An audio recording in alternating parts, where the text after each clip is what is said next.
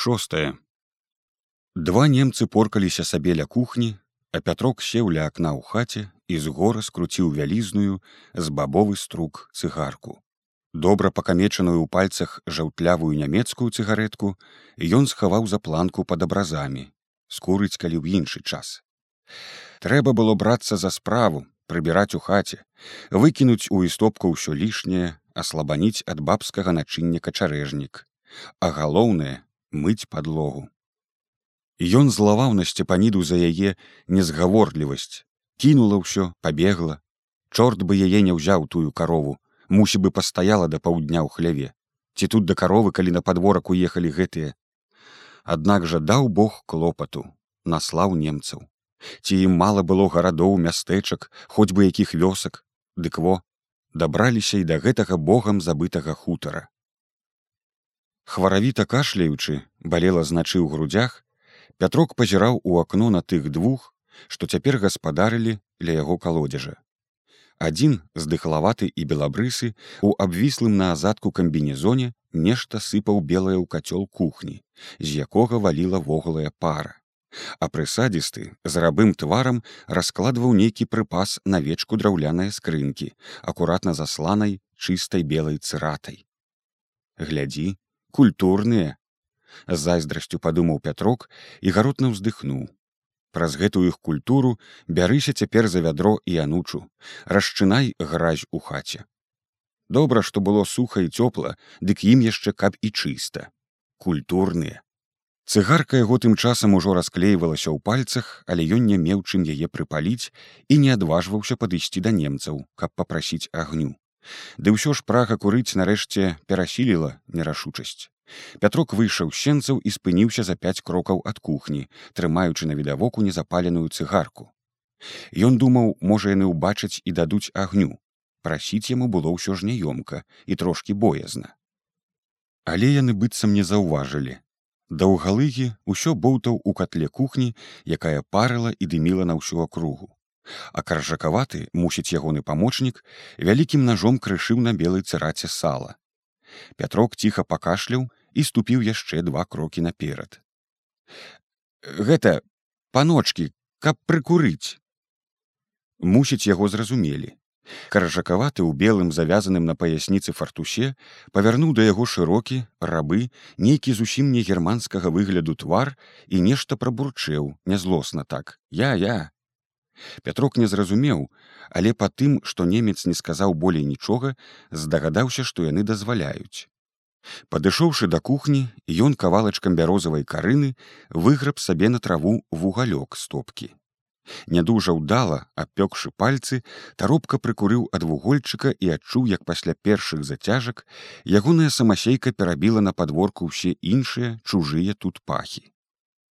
Вас вас неяк жвава мабыць зацікаўлена загаманіў да яго памагаты кухара і адклаў нож. Пятрок зразумеў і з гатоўнасцю выцяг капшук. Ага можна! Свая гэта домашняя калі пан хоча! Немец ашчадна адарваў ад яго складзенай стосікам газеткі невялікі шматок і пятрок адмерыў яму добрую шчапоць самасейкі. Немец даволі спрактыкавана скруціў цыгарку старанна паслюніў і прыкурыў ад свае запальнічкі нейкай адмысловай штуковіны, з якой пстрыкала сіненькім полымем. Пятрок сачыў за ім амаль з дзіцячай цікавасцю, усё ж хацелася, каб ягоная табака спадабалася немцу. Немец грунтоўна зацягнуўся, выпусціў дым і пятрок падумаў: закашляе. Але не, не закашляў, толькі лыпаў светлымі пад белымі брывамі вачыма. Іст гуд. Гуд успомніў пятрок знаёмае яшчэ з той вайны нямецкае слово і ўзрадаваўся я ж кажу добрая ага свая так что гуд яшчэ сказаў немец і нешта загаманіў да кухара што арудаваў вялізным як вясло чарпаком у котле. Ды той разлавана гыркнуў раз і другі і гэты паклаў на краёчак стала цыгарку і ўзяўся за нож. Пятрок падумаў што мабыць хопіць усё ж абодва яны пры справе назаляць ім нягожа і ён задам і бокам падаўся да ганка. Трэба было брацца за ўборку, але ён не ведаў з чаго пачынаць. Ніколі ён не прыбіраў у хаце, заўжды гэта рабіла сцепаніда. Некалі ёй памагала феня. У яго ж былі іншыя чыста мужчынскія клопаты. Але во мусіць вайна ўраўняла і цяпер не абышла і яго бабская справа. Найперш мусіць трэба было аслабаніць падлогу, каб не замінала мыць. І ён павыцягваў у сенцы ўсе чыгуны ад печы, вілы, качаргу, памяло. Адсунуў стары слон ад парога, дзе аказалася проць марознага хатняга начыння. Дзіравыя атопкі, пабіты вазон, вечка адкаткі, нейкія шчэпкі мусіць для растопкі ў печы. Усё, што тут стаяла і ляжала доўгія гады і мела сваё пэўнае месца, не замінаючы нікому. Чаму цяпер яно павінна замінаць гэтым чужынцам? Але мусіво замінае. Пятрок вынес у істопку і розныя транты звешала каля печы. Зняў сцвіка кажух, далікатна ўзяў у руки скрыпку. Скрыпку выносіць у сырую істопку яму не хацелася. Яе трэба было сцерагчы ад вільгаці. І цяпер, разважыўшы, Пятрок асцярожна засунуў яе за абразы. Маленькая яго скрыпачка зусім схавалася там. Хай мода чакаецца лепшага часу. У хаце павальнела, зрабілася амаль пуста. І пятрок паўздыхаўшы прынёс сянец вядро з вадою, дастаў за печы анучу. Увесь час злуючыся на жонку, ён выліў вядро ля печы на самае затаптанае месца. Хай адмакае. Вада шырока расцяклася па дошках, але спакваля збегла на ніжэйшае месца пад самы парог і сабралася ў ладную чорную лужыну. Пятрок стаяў сярод хаты. Яму трэба было ўзяць у сенцах галень, але не разувацца, не мачыць ногі яму не хацелася, і ён чакаў, пакуль вада куды-небудзь сыдзе. Божа, што гэта? Што ты нарабіў? пачуўся сянец сцепанідзін голас. Дык э, падлогу ж мыць. Во, анучы цябе па вачах, хто ж так мые падлогу, ці ты здурнеў? Сцепаніда злосна ляскала сябе па сцёгнах. Ведама, зрабіў не па яе, па-свойму. Заўжды яму за гэта даставалася ад жонкі. Але калі прыйшла, хай мые сама. Ён сваё зрабіў, усё прыбраў, засталася падлога. А што ж ты сышла з каровай? Цябе не спытала, Пакуль яны сварыліся ў хаце, трохі стрымана перад чужымі і цішэй, чым звычайна, мусіць, немцы нешта пачулі. Сцепаніда ўсё яшчэ пляскала рукамі ў сенцах, таксама не адважваючыся пераступіць парог, як ззаду за ёй з'явіўся цікаўны рабы твар. Немец ухмыльнуўся, нешта нават сказаў, і яна секлася. Але затым ён вярнуўся да кухні, а сцепаніда кінула цераз парог анучу, якая моцна пляснулася ля петраковых ног збірай ваду усю да кроплі збірай трэба было слухацца і пятрок крэкчучы ад натугі мусіў нагнуцца да лужыны Ён зграбаў анучай гразкую чорную ваду і выкручваў анучу ў закапцелы стары чыгун але вады было процьма дзіва колькі набралася з аднаго толькі вядра сцепаніда тым часам зноў знікла кудысьці і ён каб хутчэй скончыць гэту дакучную работу пачаў разганяць ваду па падлозе у куткі пад печ абы не было лужыны. Гэта яму ўдалося лепш, чымсьці збіраць яе анучай. Пятрок ужо набліжаўся да стаптанага ўчарнелага парога, як у дзвярах зноў вырас цень. На парог ступіў адной нагой немец у грубым падкаваным боце з вядром у руцэ, над якім лёгенька дымілася пара. Пятрок усё зразумеў і з прастадушнай удзячнасцю зірнуў у праставаты твар, які цяпер стрымана свяціўся дабрынёй дзякуй паночку во дзякуй вам немец паставіў за парог вядро і выпрастаўся бітте бітте во дзякуй сказаў пятрок амаль расчулены і раптам падумаў што трэба чымсьці аддзячыць. На ласку трэба адказваць ласкай ці ж ён не разумее. Хвіліначку пане сказаў ён і паўз немца шмыгануў у істопку. Недзе там яшчэ заставалася трохі яек. Ён толькі не ведаў дзе і пакуль зазіраў у кашы і дзежкі з падворка данёсся нецярплівы капрызлівы покліч. Карл карл ком і пятрок зразумеў што мабыць не ўправіцца сцепані дахаваць умела. Немец пабег да кухні а пятрок расчаравана выйшаў у сенцы і сутыкнуўся з жонкай во гэны карла прынёс гарачай гарачай аднак сцепаніда мусі падабрэла ўжо. Узяла з парога брудную анучу і толькі нагнулася да вядра, як у сенцах зноў матлянулася постаць. На гэты раз то быў карлаў начальнік. З ціхім злым пошаптам ён ухапіў вядро і перакуліў яго на парозе. Цёплая пара шыбанула ў гору, і за ёй схаваўся спалоханы твар сцепаніды. Немец, махнуўшы вядром, імпэтна выскачыў на падворак. Каб ты здох злыдзень, азвалася з хаты сцепаніда. Пятрок азірнуўся, каб хоць не пачулі, бо калі зразумеюць, што тады будзе. Мабыць, гэты здыхляваты сапраўды злыдзень, з ім трэба асцярожна. Ціха баба, іха ўласць, што зробіш? Уласць, каб яна падавілася. Мылі падлогу ўдваіх сцюдзёнай вадой. Добра яшчэ, што ў цэбры было назапашана з ночы, да калодзежа было не падступіцца.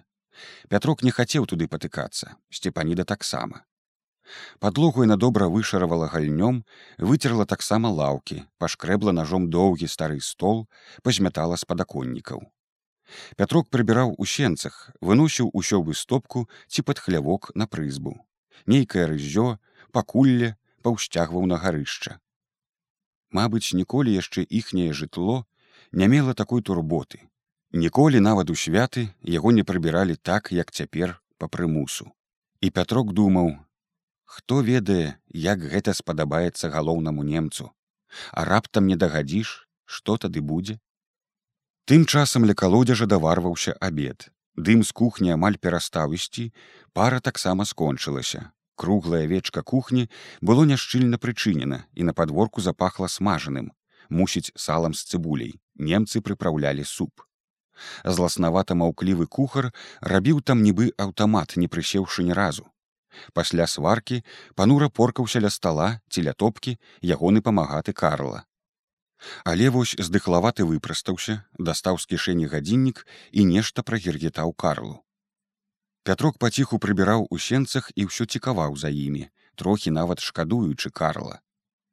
Мабыць, таму добра попала ад кухара, інакш бы ён так не адварочваўся ад петрака, калі той выйшаў на прыступкі і венічкам пачаў замятаць ля парога. У гэты час ад гасцінца даляцеў знаёмы нутраны вуркат. Ранішняя машына, кулдыхаючы з боку на бок брызентавай будай, заварочвала да сядзібы. Пятрок з венікам кінуўся ў сенцы. Едуць, баба ці чуеш? Хапаючы штось на хаду, сцепаніда выскачыла з хаты і прычыніла дзверы, Яны абое стаіліся за шулам у сенцах і чакалі. Машына цяжка пхнулася па вузкай дарожцы і як і раніцай спынілася ў варотцах. Пятрок чакаў, што нехта выйдзе адтуль, але спярша там штось лязгнула, а пасля з той брызентавай буды пасыпаліся адзін за адным чалавек з дзесяць ці болей немцаў. Апрануты яны былі хто ў чым. У мундзірчыкі, нейкія курткі, двое ў плямістыя хвастатыя накідкі і кожны з зялёным пляскатым кацялком у руцэ ці прышпіленым да дзягі. Зброі чамусьці ў іх не было відаць. Немцы не памкнулі да кухні, ля якой застылі абодва кухары. Троху часу яны папраўлялі дзягі, куртатыя свае пілоткі, пэўна чакалі каманды. Тым часам з кабіны вылез чалавек у чорным цыратавым плашчы і высокім як грэбень у пеўня картузе з нейкаю белай адзнакай над казырком. Ён нешта сказаў перахлябістаму кухару, які паслухмяна цепнуў плячыма, нібы скалануўся і толькі затым расслабіўся. Мусіць, то быў нейкі дазвол ці каманда. Ахвіцер, здагадаўся пятрок. Сцепаніда стала бліжэй да шула і маўчала, зышоўшыся ў страхавітай увазе да ўсяго, што рабілася на падворку. Але асабліва страшнага там пакуль не было нічога. Салдаты абступілі кухню і над іхнімі галовамі матлянуўся доўгі тронак кухарскага чарпака. Пачыналася раздача абеду. Гэтаксама як ля ракі ўлетку, калі на прывалі харчаваліся нашыя чырвонаармейцы перад тым, як адступіць на ўсход. Цяпер ля калодзежа шчыльненька тоўпіўся тузень немцаў, нешта весела гергеталі і смяяліся, некаторыя спаласквалі кацялкі ля вядра, што стаяла пад тынам. Толькі афіцэр адышоўся воддаль на сярэдзіну падворка і пазіраючы кудысь на страху хаты ці стопкі дастаў з кішаня галіфе тоненькі блішчасты партабак. Пакуль ён закурваў, пятрок хацеў злавіць яго позірк. Але вачэй афіцэра зусім не было відаць за шырокім як конскі капыт казырком картуза. Немец прыкурваў, паводзіў сюды туды галавой, а побач усё нешта тлумачыў яму знаёмы кругленькі фельдфебель паказваючы наўкола рукой. Мусіць гэтая яго рука тыцнулася ўрэшце на дзверы і тады афіцер згледзеў у сенцах гаспадароў і чуйна знерухомеў паставай. Пятрок тузануў за плячо сцепаніду глядзі ідуць хай ідуць але чорт ведае што было ім рабіць стаяць ціхавацца ці можа выйсці і сустракаць гасцей на парозе Пятрук разгубіўся трохі, і калі згробшы з галавы кепку сунуўся на парог, немцы ўжо ступілі на камяні насустрач. Тады ён падаўся назад у сенцы, адступіў задам да істопкі, утаропіўшыся ў твар афіцэра, каб зразумець, з чым, благім ці добрым, ідзе той у гэты іх дом. Ды толькі на яго маладжавым добра паголеным твары нічога не было апроч хіба спакою і камандзірскай цвёрдасці, Цёмныя вочы яго пад чорнымі брывамі толькі безуважна слізганулі па гаспадарах, даўжэй затрымаліся на змрочным падстрэшшы сенцаў. Вяртлявы фельдфебель ужо расчыняў дзверы ў хату, і афіцэр нетаропка пераступіў парог. Дзверы за сабой яны не зачынілі. Пятрок чуў сянец, як яны там нядоўга пагаманілі аб чымсьці, але галасы былі сцішаныя, быццам спакойныя. Пасля з ранейшай дзелавой мітуслівасцю фельдфебель высунуўся з дзвярэй і некага таропка гукнуў з падворка. Ком ком! Два салдаты грукаючы цяжкімі ботамі кінуліся да ганка. Фельдфебель нешта загадаў ім і тыя згодна азваліся. Я воль я воль! І зноў бягом падаліся да вялізнай машыны пад ліпамі. Аднак дысцыпліна зважліва падумаў пятрок не цямячы яшчэ што ўдумалі тыя ў хаце Але зараз усё стало понятна. Салдаты валаклі з машыны складныя жалезныя ложкі, блішчастыя спінкі, плеценыя з металічных палосаў сеткі, нейкія пакункі, мабыць, з бялізнай і коўдрамі. Пятрок яшчэ адступіў да істопкі, каб не замінаць, і яны порстка бегаючы пачалі уладкоўваць новы ўтулак у хаце. Па не высохла яшчэ падлозе, соўгалі лавы, стукалі ложкамі. Да яго са сцепанідай ніхто не звяртаўся, і пятрок пачаў спакайнець трохі. Можа ўсё будзе добра. Ведама папрацавалі прыбралі ўсё як след Мабыць будуць давольны. Але толькі ён падумаў так як з-за шула ў дзвярах паявіўся вяртлявы фельдфебель які нібы малому кіўнуў яму пальцам. Ком! Адчуўшы раптоўную слабасць у нагах пятрок увайшоў у хату у якой пад абразамі на месцы адсунутага ў бок стола ўжо стаяў сабраны блішчасты ложак з клумкам бялізны на сетцы. З другім яшчэ поркаўся малады мізэрнага выгляду немчык. Мусіць, да пятрака ў іх з'явілася нейкая патрэба, бо афіцэр, расставіўшы ногі, пазіраў на яго ва ўпор. Іх позіркі сустрэліся, і сэрца ў пятрака здрыганулася ад прадчування блізкай бяды.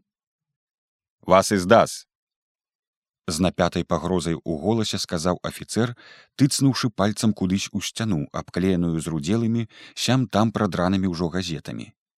Пятрок толькі зірнуў туды як адразу змярцвеў ад страху. На самым відавоку дзе дагэтуль вісеў кажух цямнеўся на газеціне здымак першамайскага свята ў москве і на ім партрэт сталина вас і здас сцішана паўтарыў немец Пятрок усё зразумеў і маўчаў, бо што ён мог ім сказаць. Ён толькі з прыкрасцю пры сабе вылаяўся. Трэба ж было так не дагледзець. Шаравалі падлогу, стол, прыбіралі ў кутах, а на сцены не паглядзелі нават.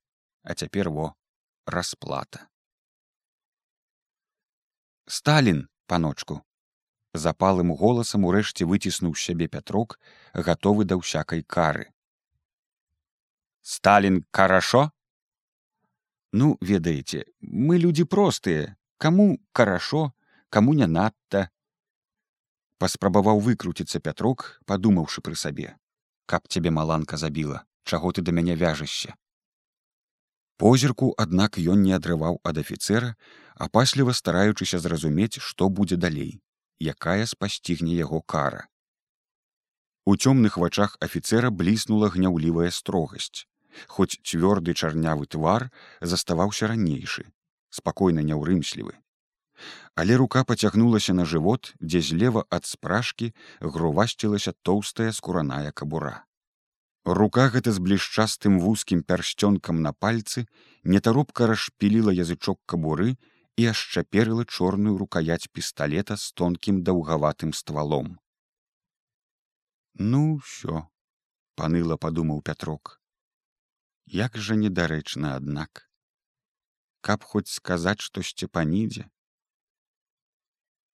З ранейшаю неспяшлівасцю немец апусціў руку, другой жа дужа тузануў пісталет, у якім нешта касцяна шчоўкнула, і рука пачала паднімацца ў гору паўз петрака. Зараз паверне, падумаў пятрок і ўжо склаў пальцы, каб перахрысціцца напаследак, як ствол на секунду знерухоміў і ў хаце грымотна бабахнула. Петрака аж хістанула ад страху. Вакол засмярдзела порахам і сіні смярдзючы дымок ціха паплыў да акна. У сцяне на сярэдзіне здымка чарнелася круглая дзірачка. Каб не спазніцца пасля, пятрок загадзя і таропка перахрысціўся, гатовы да ўсяго найгоршага. Капут. Холадна зазначыў немец і чамусь дзьмухнуўшы ў ствол пісталета, запіхаў яго ў кабуру. Твар яго зноў не азначаў нічога. Вочы холадна свяціліся пад шырокім казырком капытом. Сам не свой ад страху пятрок стаяў ля акна. Пакуль фельдфебель ззаду не дужа моцна, але настойліва не штурхануў яго ў плячо. Век. Ён хістка пераступіў парог, ледзь паднімаючыя цяжэлыя ногі, сунуўся ў стопку. У яе пыльным прыцемку аслупянела стаяла сцепаніда. Пятрок знясілена прытуліўся да яе пляча.